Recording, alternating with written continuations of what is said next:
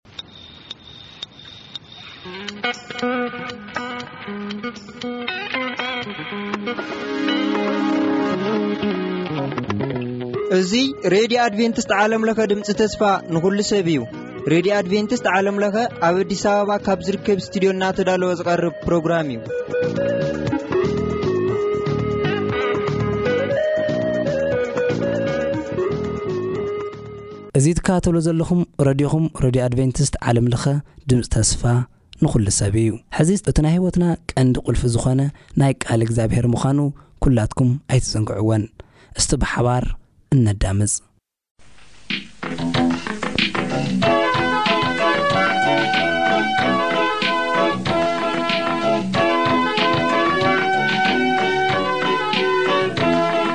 ሓደ ጸጊቡ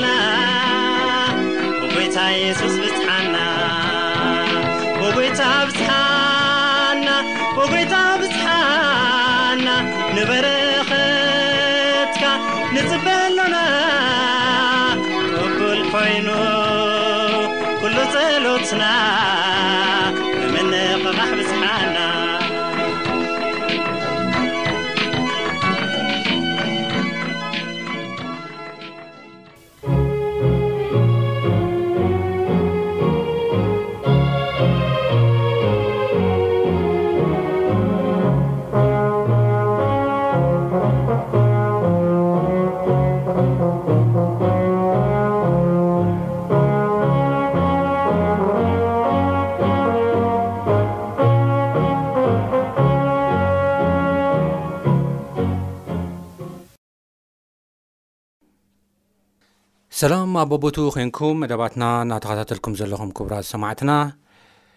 ኣብ ናይ ሎሚ ናይ ቃል ግዜና ንመንፈስ ፀጋ ምፅራፍ ዝብል ኣርስቲ ኢና ሒዝና ዘለና ከም ዝከር ኣብ ዝሓለፈ ናይ ቃል ግዜያትና ብፍላይ ክሳዕ ሕጂ እናረኣናዮ ዝነበርና ፀጋ ካብ እግዚኣብሄር ፍቕሪ ዝተላዕለ ንዘይግብኦም ዝወሃብ ህያብ እዩ ኢልና ኔርና። እዚ ህያብ እዚ ኸኣ ካብ ኣምላኽ ዝወሃብ ካብ ሓጢኣትና ንምድሓን ሓጢኣት ዘስእነና ነገራት ኩሉ ብመንፈሳዊ ይኹን ብኹሉ ነገር ሃባትም ክገብረና ንስእነትና ኩሉ ኣወጊዱ ብሩኻት ክገብረና ብፁዓን ክንገብረና ዝተዋህበ ህያብ ምዃኑ ኢና ርኢና። ኣብዚ ህያብ እዚ ዘርኣናዮ ነገር ብፍላይ ጸጋ ካብ ሓጢኣት ካብ ምድሓኑ መቸም ሓጢኣት እዩ ንዓና ኩሉ ነገር ዝሰኣነና ኩሉ ነገር ኣስኢኑና እዩ ኩሉ ነገር ክብል ከለኹ ኣብቲ ማሕበራዊ ህይወትናውን ርክባትና ሰብ ነንባዕሉ ንኸይፋቐር ንኸይሰማማዕ ከምኡ ምስ ኣምላኽ ዘለዎ ርክብ ካብ ኣምላኽ ክፈላለ ፀላእ ኣምላኽ ክኸውን ፀላእ ፈጣሪኡ ክኸውን ሰብ ገይሩ እዩ ኣብ ማሕበራዊ ሂወትና ጥራሕ ኣይኮን ኣብ ግሊ ሂወትና እውን ከድና ንሪእሉ እዋን ኣብ ግሊ ሂወትና ጥዕናና ክንስእን ሓሊፉ እውን ናይ ዘለኣለም ሞት ንክመውት ኣብ ስምዒት እውን ከድና ንሪእሉ እዋን ኣብ ሓዘንን ኣብ ሓጎስን ዝተፈራረቐ ዝተሓወሰ ስምዒት ኣብ ሂወትና ክፍጠር ኮታስ እንታይ እሞ ክብለ ኩሉ ነገር ኣስኢንና እዩ እግዚኣብሄር ኩሉ ነገር ሙሉእ ገይሩ እዩ ሂብና ነይሩ ፈጢርና ነይሩ ሓጢኣት ግን ኩሉ ነገር እያ ሲና ስለዚ ጸጋት ናይ መጀመርያ እቲ ንዓና ንዘይግባኣና ሰባት ዝተዋሃበ ካብ እግዚኣብሔር ፍቕሪ ዝተላዕለ ህያብ ኣምላኽ ክርስቶስ የሱስ እዩ ነዚ ኩሉ ምልኣት ዝኾነና ንሕቶታትና ኩሉ ንጭንቀትና ኩሉ መፍትሒ ዝኾነና ካብ ሞት ካብ ዘለኣለም ሞት ድማ ዘድሕነና ዘተንስኣና ካብ ኣምላኽ ዝተዋሃበ ህያብ ክርስቶስ የሱስ እዩ ስለዚ ብክርስቶስ የሱስ ተኣመኑ ኩሎም ብክርስቶስ የሱስ ዝተደገፉ ኩሎም ካብ ሓጢኣት ከም ዝድሕኑ ከም ዝባረኹ መንፈሳዊ በረኸት ከም ዝባረኹ ይነግረና እዩ ካብቲ ካብ ዝሓለፈ ዝረኣናዮ ነገራት ኩሉ እንታይ እዩ ኣብዚ ንነብረሉ ዘለና እዋን ኣብ መንፈሳዊ ውግእ ኢና ዘለና ሰይጣን በቲ ይዋግኣና ካብ ኣምላኽ ንክፈሊ ኣብ ሓጢኣት ምእንቲ ክውደቕና ምክንያቱ ናይ ሰይጣን ካልኩሌሽን ሰባት ካብ ኣምላኽ ክፍለዩ ካብ ኣምላኽ ዝፍለይሉ መንገዲ ከዓ እቲ ብሕታዊ መንገዲ ሓጢኣት እዩ ስለዚ ሰባት ሓጢኣት ንክገብሩ ንክሕስው ንክሰርቁ ይፍትኖም እዩ ብቕድስና ንኸይከዱ ይፍትኖም እዩ ሓደ ግዜ ኣብ ዘውልቅ ምዕራፍ ስራን ሸሞንተ ከድናም ንሪኦ ኣለዋን ባላቅ ንህዝቢ እስራኤል ይሪኦም ኣዝኦም ይፈርሖም ብጣዕሚ ዓብ ህዝቢኦም ኣብ ቅድሚኦም ደው ክብል ኣይክእልን እየ ኢሉ ብጣዕሚ ምስ ፈርሐ ቶም ምስ ዝነበሩ ዋ በልኣም ዝበሃል ኣሉ ሓደ በዓል ራእኢ ክረግሞም ፀውዒ ስለዚ እዚ ህዝቢ እዚ እንተ ተረጊሙ ኣምላኽ ምስ ካብኡ እንተ ርሒቑ ክጠፍእ ኢሎም ንሓር በልኣም ይጽውዖ እሞ በልኣም ናብ እግዚኣብሄር ይሓትት እግዚኣብሄር ከኣ ኣይትኺድ ብሩኽ ህዝቢ እዩ ስለዚ ከይትረግም ስለዚ ኣይትኺድ ኢልዎ ደሓር ግን ባላቅ በልኣም ከምዘይ መጻሉ ምስ ረኣየ ብዓቢ ውህብቶታት ብዓቢ ገጸ በረኸታት ወርቅን ብሩርን ዕዳን ዘለዎ ኩሉ ህያባት ብግዙኣቱ ልኢኹ እንደገና ናብ በልኣም ከም ዝፀውዖ ኢና ንርኢ በልኣም ኣብቲ ግዜ እቲ እቲ ገንዘብን ትህያብ ምስ ረኣየ ታሪኹ ንምሕፃር ናብ ባላቅ ከም ዝመጸ ኢና ንርኢ። እግዚኣብሄር ብእኡ ይከበረን ብምምጽኡ ብርግጽ ሓዚኑ እዩ። ብናይ መልኣም መንገዲ እውን ብዙሓት ብገንዘብ ተታሊሎም ዝኸዱ ሰባት እውን ኣይትኹኑ ኢሉ ምኽሪ ኣቕሪበልና እዩ ኣብ ሓድሽ ኪዳን እውን ከድና ኣብ ንርእየሉ እዋን። ስለዚ በልኣም ምስ መጸ ደሓር ርገመለይ ይብሎ ባላቅ። ደሓር ክረግም በልኣም ኣብ ከረን ኣብ ዓብ ነዊሕ ከረን ኣብ ነዊሕ ገቦ ወጺኡ ኢዱ ዘርጊሑ መስዋእቲ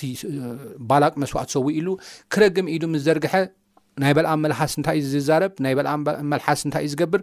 ይባርኾ ይባርኾ ይባርኾ ድሓር ባላቅ እንታይ ኢኻ ትገብር ዘለኻ ኣነ ክትረግሞም ፀውዐካ እዚ ኩሉ ገፀ በረከት ሂበካ ስጭራሽ ትባርኮም እስከ ቦታ ንቀይር ኢሉ ቦታ ኣየይሩ እውን ፈቲኑ ግን ካብ መርገም ላዕሊ በረከት እግዚኣብሄር ነ መርገም ናብ በረከት እናቀየረ ንእስራኤላውያን ይባርኮም ዋ ኢሉ ባላቅ ብጣዕሚ ሓርቕ እሞ ድሓር በላኣም እንታይ የብሎ እዚ ህዝቢ እዚ ኦሬዲ ዝተባረኸ ህዝቢ እዩ ኣብ ትሕቲ ጸጋ ኣምላኽ ዘሎ እዩ ኣብ ትሕቲ ክርስቶስ ጸጋ ዘሎ እዩ ስለዚ ነዚ ህዝቢ እዚ ክትረግሞ ኣይትኽእልን ኢኻ ክትረግሞ ኣይትኽእልን ኢኻ ክትረግሞ ስለ ዘይትኽእል ዘለካ ኣማራጺ ሓደን ብሕታውን ኣብ ሓጢኣት ክወድቁ ምግባር እዩ ጽቡቓት ኣንስቲ ኣለዋኻ ኢሎም ሞኣባውያን ጽቡቓት ኣንስቲ ኣለዋኻ፣ ስለዚ እተን ኣንስቲ ለኣኮም ከመንዝርኦም፣ ድሓር ኣምላኽ ካብኦም ክፍለይ፣ ቁጥዓ ኣምላኽ ኣብኦም ከዘንብ ኢልዎ። በዚ ሲስተም እዚ ኢኻ ክትረትዖም ትኽእል ኢልዎ። ባላቅ ከምታ ዝበሎ ጽቡቓት ኣንስቲ ኣምጺኡ ናብ ናይ እስራኤላውያን ሰፈር ከም ዝለኣኸን ኢና ንርኢ። ኣብቲ ግዜ እቲ ብናይ በልኣም ምኽሪ ባላቅ ነተን ኣንስቲ ልኢኹ ምስአን ምስቶም እስራኤላውያን ክምንዝራ ከም ዝገበረ ኢና ንርኢ ማለት ንፖለቲካ መጠቀም ተባሂሉ ኣብቲ ግዜ እቲ ኣብ ሰፈር እስራኤል ዓብ ሓጢኣት ከም ዝኾነ በዚ ዓብ ሓጢኣት ድማ ዓብ ቁጣዓ ከም ዝመፀ እዩ ነገረና ማለት እዩ ስለዚ ኣብዚ ነገር እዚ ክልተ ዋና ዋና ነገራት ንርኢ እቲ ቀዳማይ ህዝቢ ኣምላኽ ብዓይኒ ዘይርኦ ብእዝኒ ዘይሰምዖ ናይ ጸላኢ ሽርሒ ኣብ ዝርኡ ከቢቡ ኣሎ እዩ። ነገር ግን ቀጽሪ ኣምላኽ ሓሊፉ ክመጽእ ዝኽእል ካብ ዘይምዃኑ ዝተላዕለ ህዝቢ ኣምላኽ ኩሉ ግዜ ውሑስን ደስ ዘብልን ህይወት እዩ ዝነብር። ጸላኢ ስለ ዝደቀሰ ግን ኣይኮነን። ጸላኢ ካብታ ሓንቲ ኸረን ናብታ ሓንቲ ኸረን፣ ካብታ ሓንቲ ኸረን ናብታ ሓንቲ ኸረን፣ ካብታ ሓንቲ ገቦ ናብታ ሓንቲ ገቦ እናኸደ ክረግምን ከጥፍእን ይጽዕር እዩ። ዋጋውን ይኸፍል እዩ። ነገር ግን ኣይክእልን እዩ። እቲ ካልኣይ ነጥቢ ኸኣ እታ ብሕታዊት ካብ ኣምላኽ ንህዝቢ ኣምላኽ ትፈልዮ ነገር ተሃለውት እንታይ ወይ ድማ ቁጥዓ ኣምላኽ ኣብ ህዝቢ ኣምላኽ ክመጽእ ዝገብር ሓጢኣት እዩ ስለዚ ጸጋ ኣምላኽ ከዓ ነዚ መፍትሒ እዚ ሂቡ እዩ ነዚ መፍትሒ እዚ ሂቡ እዩ ስለዚ ጸጋ ነዚ ናይ ሰይጣን ውግእ ብደንቢ ክንዋግኦ በንስቲ ገይሩ ሓጢኣት ክንሰርሕ ጌርና ዘምፅኦ ውግኣት ኩሉ ቃልስታት ኩሉ ብጸጋ ኣምላኽ ኢና ንምክቶ ጸጋ ኣምላኽ ይዕጥቐና እዩ ሙሉ ዕጥቂ ዕጢቑ መንፈሳዊ ዕጥቂ ዕጢቑ ኖ ክንብል ከም ዮሴፍ ኖ ክንብል ይገብረና እዩ ዝብል ካልኦትን ርኢና ነርና ማለት እዩ እሞ ብደንቢ ጸጋ ኣምላኽ ዝዕጥቆ ነገራት ዝዓጠቐ ጸጋ ኣምላኽ ዝህቦ ነገር ተቐበለ ኩሉ ብፁን ብሩኽን ከም ዝኾነ ንኣምላኽን ከኽብር ከም ዝኽእል ብሂወቱ እዩ ዝነግረና ማለት እዩ እምበኣር ናብ ናይ ሎሚ ኣብ ንኣትወሉ እዋን ድማ እንታይ እዩ እቲ ናይ ሎሚ ጸጋ ክወሃበና ከሎ ነቲ ጸጋ ዕሽሽ ምባል፣ ነቲ ጸጋ ዘይምቕባል፣ ግቡእ ምላሽ ዘይምሃብ ካብ ኣምላኽ ቁጥዓ ከም ዘምጽእ እዩ ዝዛረበና ማለት እዩ። እምበኣር እዚ ሓሳብ እዚ ኣብ እብራውያን ምዕራፍ 10 ፍቕዲ 26 ክሳብ 31 ዘሎ ሓሳብ እዩ ዘሎ ግን ተዋና ሓሳብ ወይ ድማ ተዋና ጥቕሲ ዝደልያ እብራን ምዕራፍ ዓሰርተ ፍቕዲ ዕስራን ትሽዓተና ኻብ ዕስራን ሽዱሽተን ግን ከንብብ። ስለዚ ኸኣ ፍልጠት ሓቂ ምስ ረኸብና፣ ፍልጠት ሓቂ ምስ ረኸብና፣ መጽሓፍ ቅዱስ እታ ሓቂ ኽትፈልጥዋ እታ ሓቂ ድማ ሓራ ኸተውጽኣኩም እያ እዩ ዝብለና። እታ ሓቂ ኽትፈልጥዋ እታ ሓቂ ድማ ሓራ ኸተውጽኣኩም እያ። ዮሃንስ ወንጌል ምዕራፍ ሸሞንተ ፍቕዲ ሓምሳን ሽዱሽተን ኩሉ ሰብ ባርያ ሓጢኣት ኮይኑ እዩ ሓጢኣት ኣብ ሰርሓሉ እዋን ባሪ ሓጢኣት ኮይኑ እዩ ስለዚ እዚ ባሪ ሓጢኣት ዝኾነ ሰብ እቲ ሓቂ ምስ ፈለጠ ሓቂ ፈሊጡ ከዓ ብክርስቶስ ምስ ኣመነ እቲ ጸጋ ምስ ተቐበለ እዩ ዝድሕን ስለዚ ብዚ ግንታይ እዩ ዝብለና እታ ፍልጠት ሓቂ ምስ ረኸብና እታ ሓራ ተውፅእ ፍልጠት ሓቂ ምስ ረኸብና ፈቲና ሓጢኣት እንተገበርና ልክዕ ከምዞም እስራኤላውያን ናይ ባላቅ ናይ በልኣም ፈቲና ሓጢኣት እንተገበርና ዘሰክሕ ምፅባይ ፍርድን ነቶም ተፃረርቲ ትበልዕ ቅነ ሓውን ክኸውን እምበር ደጊምሲ ስለ ሓጢኣት ስዋእ መስዋእቲ የልቦን ፈቲና ሓጢኣት እንተ ገበርና። ፈቲና ና ማለት እንታይ ማለት እዩ? ፈቲትና ሓጢኣት ምግባር እንታይ ማለት እዩ? ኽገልጾ እዩ ትሕት ኢልና ክንርኢ ከልና። ስለዚ እቲ እቲ ንሕጊ ሙሴ ዘፍረሰ ብቓል ወይ ብኽልተ ሰለስተ ምስክር እዩ ብዘይ ድንጋጸ ዝመውት። ንወዲ ኣምላኽ ዝረገጸ ይብለና። ሕጂ ፈቲና ሓጢኣት ምግባር እንታይ ማለት ምዃኑ ይነግረና ኣሎ። ንወዲ ኣምላኽ ዝረገጸ፣ ነቲ ተቐደሰሉ ደም ኪዳን ዘርከሰ፣ ንመንፈስ ጸጋ ዝጸረፈ ግዳ ክንደይ ዝገደደ ቅጽዓት ዘይግብኦ ይመስለኩም ንሕና ነቲ ምፍደይ ሕነ ናተይ እዩ ኣነ ከኣ ሕነ ክፈድየ ዝበለ ደጊሙ ከኣ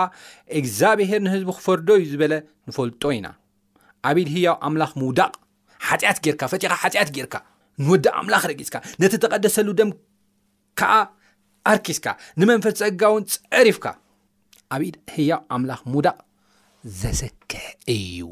የፍርሕ እዩ ስለዚ እዞም ፈትዮም ሓጢኣት ዝገብሩ ሰባት ልክዕ ከም እስራኤላውያን እንታይ እዮም ዝገብሩ ዘለዉ እቲ ቀዳማይ ንወዲ ኣምላኽ እዮም ዝረግፁ ዘለዉ እቲ ካልኣይ ነቲ ተቐደሰሉ ደም ኪዳን ኢና ንርከብ ዘለና እቲ ሳልሳይ ከዓ ንመንፈስ ፀጋ ኢና ንፀርፍ ዘለና እዚ ማለት እንታይ ማለት እዩ ሕጂ እቲ ዋና ሓሳብና ንመንፈስ ጸጋ ኢና ንጸርፍ ዘለና እያ እታ ዋና ርእስና ግን እዚ ክልቲኡ ሒደት ሒደት ሓሳብ ክህብ ይደሊ ንምውዳእ ኣምላኽ ምርጋጽ ማለት እንታይ ማለት እዩ ኣማቴዎስ ምዕራፍ ሸውዓተ ፍቅዲ ሽዱሽተ የሱስ ክርስቶስ ነቶም ደቀ መዛሙርቱ ሓደ ዝተዛረቦም ነይሩ ኣማቴዎስ ምዕራፍ ሽዱሽተ ዕንቅኹም ኣብ መንጎ መፋልስ ኣብ መንጎ ኣኻልብ ኣይትደርብዩ ኣብ መንጎ እቶም ቃል እግዚኣብሄር ዝንዕቁን ነቲ ቃል እግዚኣብሄር ዘይፈትዎን ኣይትደር ምክንያቱ ነቲ ዕንቁኹም ረጊፆም ንዓኹም እውን ከይጥፍኡኹም ዕንቅኹም እንታይ ትግበሩ ኣብ ማእኸል ኣኻልብ ኣብ ማእኸል መፋልስ ኣይተውድቑ ይብለና ከይረግፅዎ ነቲ ክቡር ከይረግፅዎ ይብለና ስለዚ ምርጋፅ ማለት እንታይ ማለት እዩ ምንዓቕ ኮነ ኢልካ ነቲ ናይ እግዚኣብሄር ውህብቶ ነቲ ናይ እግዚኣብሄር ህያብ ምንዓቕ ዘይምኽባር ማለት እዩ ወዲ ኣምላኽ ንዓና ዝተዋህበ ውበት ኣምላኽ እዩ ካብ ሓጢኣትና ንኸድሕነና ካብ ጥፍኣት ከድሕነና ካብ ሽግር ከድሕነና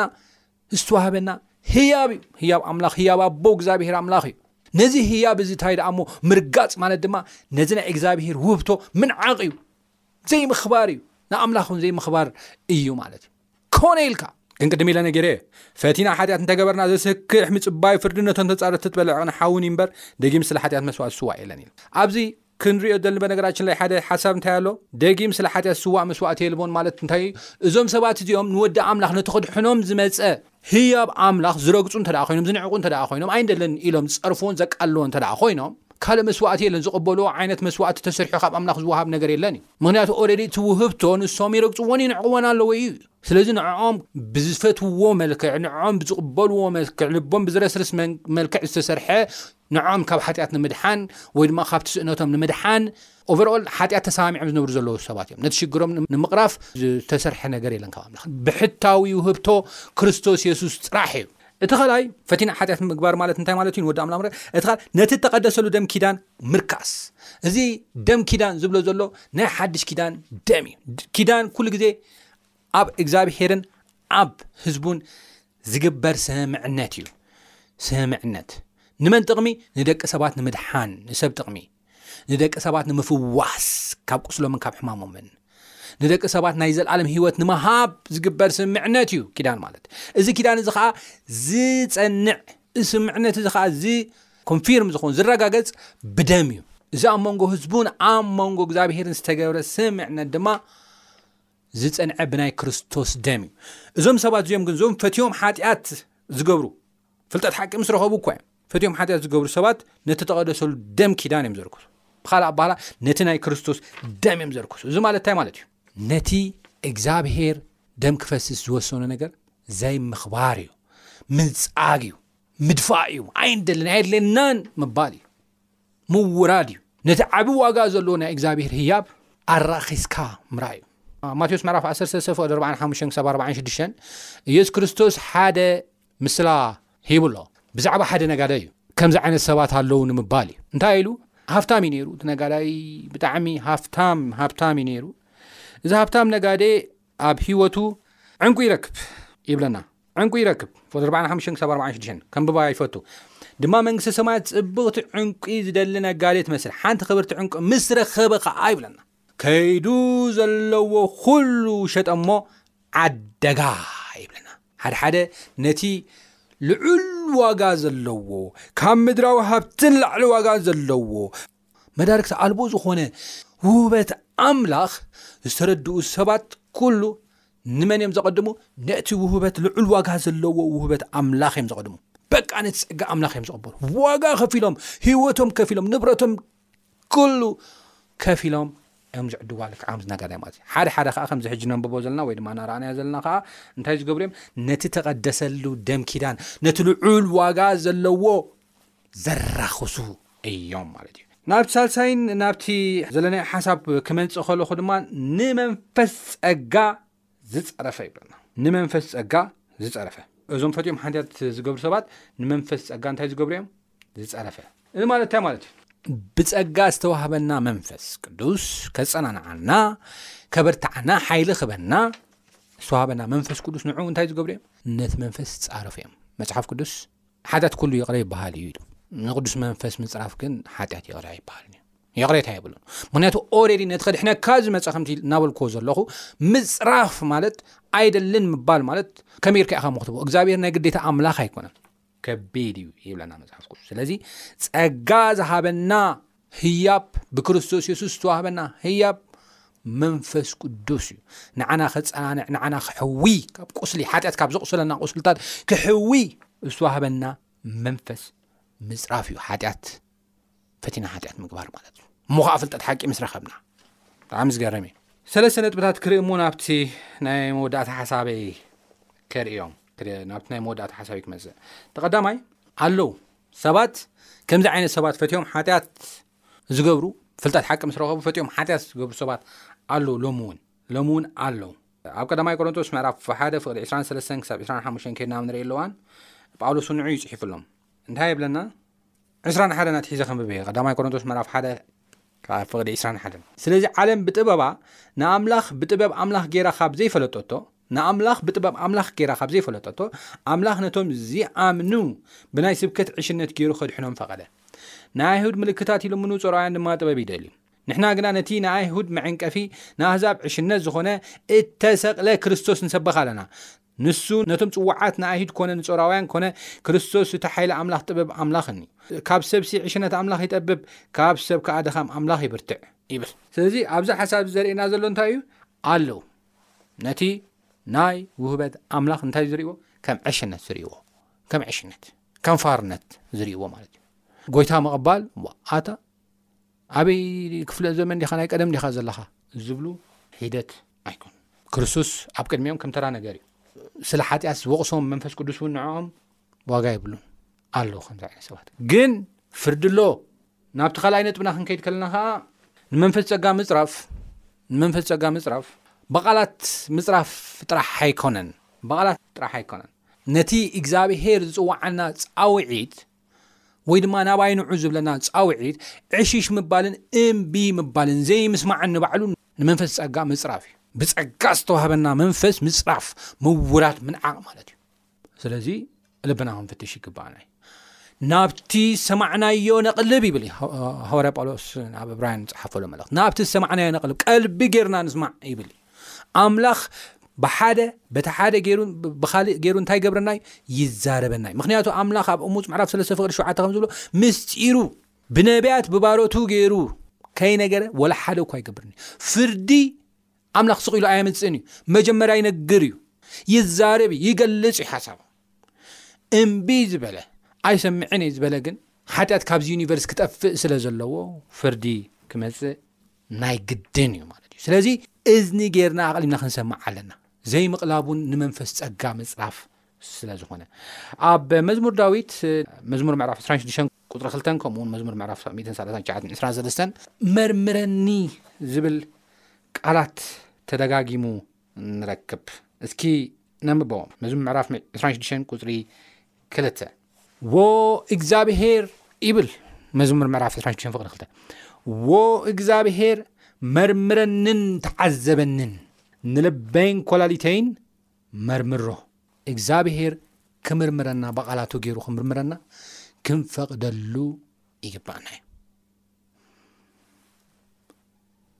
ንሕና ርእስና ብቓል እግዚኣብሄር በቲ ቓሉ ጌርና ርእስና ክንፍትሽ ይግብኣና እዩ ምክንያቱ ነቲ ዝሰማዕናዮ ነገር ናብኡ ዘይምቕላብ እውን ምላሽ ዘይምሃብ እውን ንመንፈስ ምፅራፍ ስለ ዝኾነ ማለት እዩ ነቲ መንፈስ ፀጋ ምፅራፍ ስለ ዝኾነ እዩ ብተወሳኺ መዝሙር ምዕራፍ ሚእትን ሰላሳን ትሽዓተን ፍቕዲ ዕስራን ሰለስተን እውን ተመሳሳሊ ሓሳብ ኢና ንረክብዎ። ኣምላኽ ይብል። መርምረኒ ልበይ ከኣ ፍለጥ፣ ፈትነኒ ሓሳበይ እውን ፍለጥ። መንገዲ ዓመጻ እንተ ኣልዩኒ ርኣ፣ ኣብታ ናይ ዘለኣለም መንገዲ ምርሓኒ ክንብል ይግብኣና እዩ። ዎ ኣምላኽ መርምረኒ ልበይ ከኣ ፍለጥ፣ ፈትነኒ ሓሳበይ ከኣ ፍለጥ። መንገዲ ዓመጻ እንተ ኣልዩኒ ረኤ ኣብቲ ናይ ዘልኣለም መንገዲ ምርሓኒ። ብጣዕሚ ዝገርም እዩ ስለዚ ርእስና ኩሉ ግዜ ክንምርምር ከም ዝግብኣና ዘርኢ ሓሳብ እዩ ማለት እዩ። ናይ መወዳእታ ሓሳበይ ኣብ ዕብራውያን ምዕራፍ ክልተ ፍቅዲ ሰለስተ ዘሎ እዩ። ሸለል ተይልናስ ከምቲ ዓንተይ እውን ዘንበብናዮ ነዚ ዓቢ ምድሓን ሸለል ተይልናስ ወይ ድማ ከም ተራ ነገር ንቆጽር ተኮይናስ እናምሎም ንጠሉ ምንም ነገር ከም ዘየለ እዩ ዝዛረበና ዕብራውያን ምዕራፍ ክልተ ፍቅዲ ሰለስተ እሞ ንሳ ኣንቢብና ናታ ሓሳብ ሂበ ክውድእ ምሰናይ እዚ ድማ ኣምላኽ ከም ፍቃዱ ብትምህርትን ብተኣምራትን በበይኑ ብዝኾነ ሓይልታትን ብምዕዳል መንፈስ ቅዱስን እናመስከረ ብዛዕባ እዚ ጸጋ እዚ ብዛዕባ ክርስቶስ ምድሓን እናመስከረ ንሱ ከዓ ብጎይታ ክንገር ዝጀመረ ካብቶም ዝሰምዑ ከዓ ኣባና ካብ ዝጸንዐስ ይብለና ንሕና ግዳ ክንድዚ ዝኣክል ምድሓን ዕሽሽ ካብ እንብል ከመይ ጌርና ክንምሉቕ ይከኣለና ክንምሉቕ ኣይከኣለናን እዩ ምምሉቕ የብልናን መህደሚ የብልናን ፍርዲ ኣሎ እዩ ዝብል ሓሳብ እዩ እሞ ክብራት ሰማዕትና ኣብዚ ናይ ሎ መዓንቲ ዝረኣናዮ ሓሳብ ንርእሲ ንሓቶ ክንሓትት ይግባኣና እዩ ንመንፈስ ጸጋ ዝጸርፍ ወይ ድማ ዘዋርድ ዘነዓቕ ምላሽ ንኸይህብ ኣብ ህይወተይ እንታይ ክገብር እዩ ዝግብኣኒ ኢልና ክንሓተት ይግብኣና እዩ እወ ቃል ኣምላኽ ከነንብብ ኣለና ጸሎት ክንጽሊ ኣለና ናብቲ ዝሰማዕናዮ ድማ ከነቐልብ ኣለና ካብዚ ብተወሳኺ ከምዚ ዓይነት ምላሽ ካልኦት ሲ ከይሂቡ ከመይ የርኢ ክሕግዞም ዝኽእል ምክንያቱ ኣዚ ዘፍርሕ ፍርዲ እዩ ዘሎ ካብዚ ፍርዲ እዚ ክምልቑ ንሕና ከመይ ጌርና ኢና ክንረድኦም ንኽእል ከመይ ጌርና ኢና ክንሕግዞም ንኽእል ዝብልን ካልኦት ሕቶታትን ንርእስና ክንሓት ይግባኣና እዚ ምግባር ክንክእል እግዚኣብሔር ፀጉ የብዝሓና ጎይታ ይባርኩም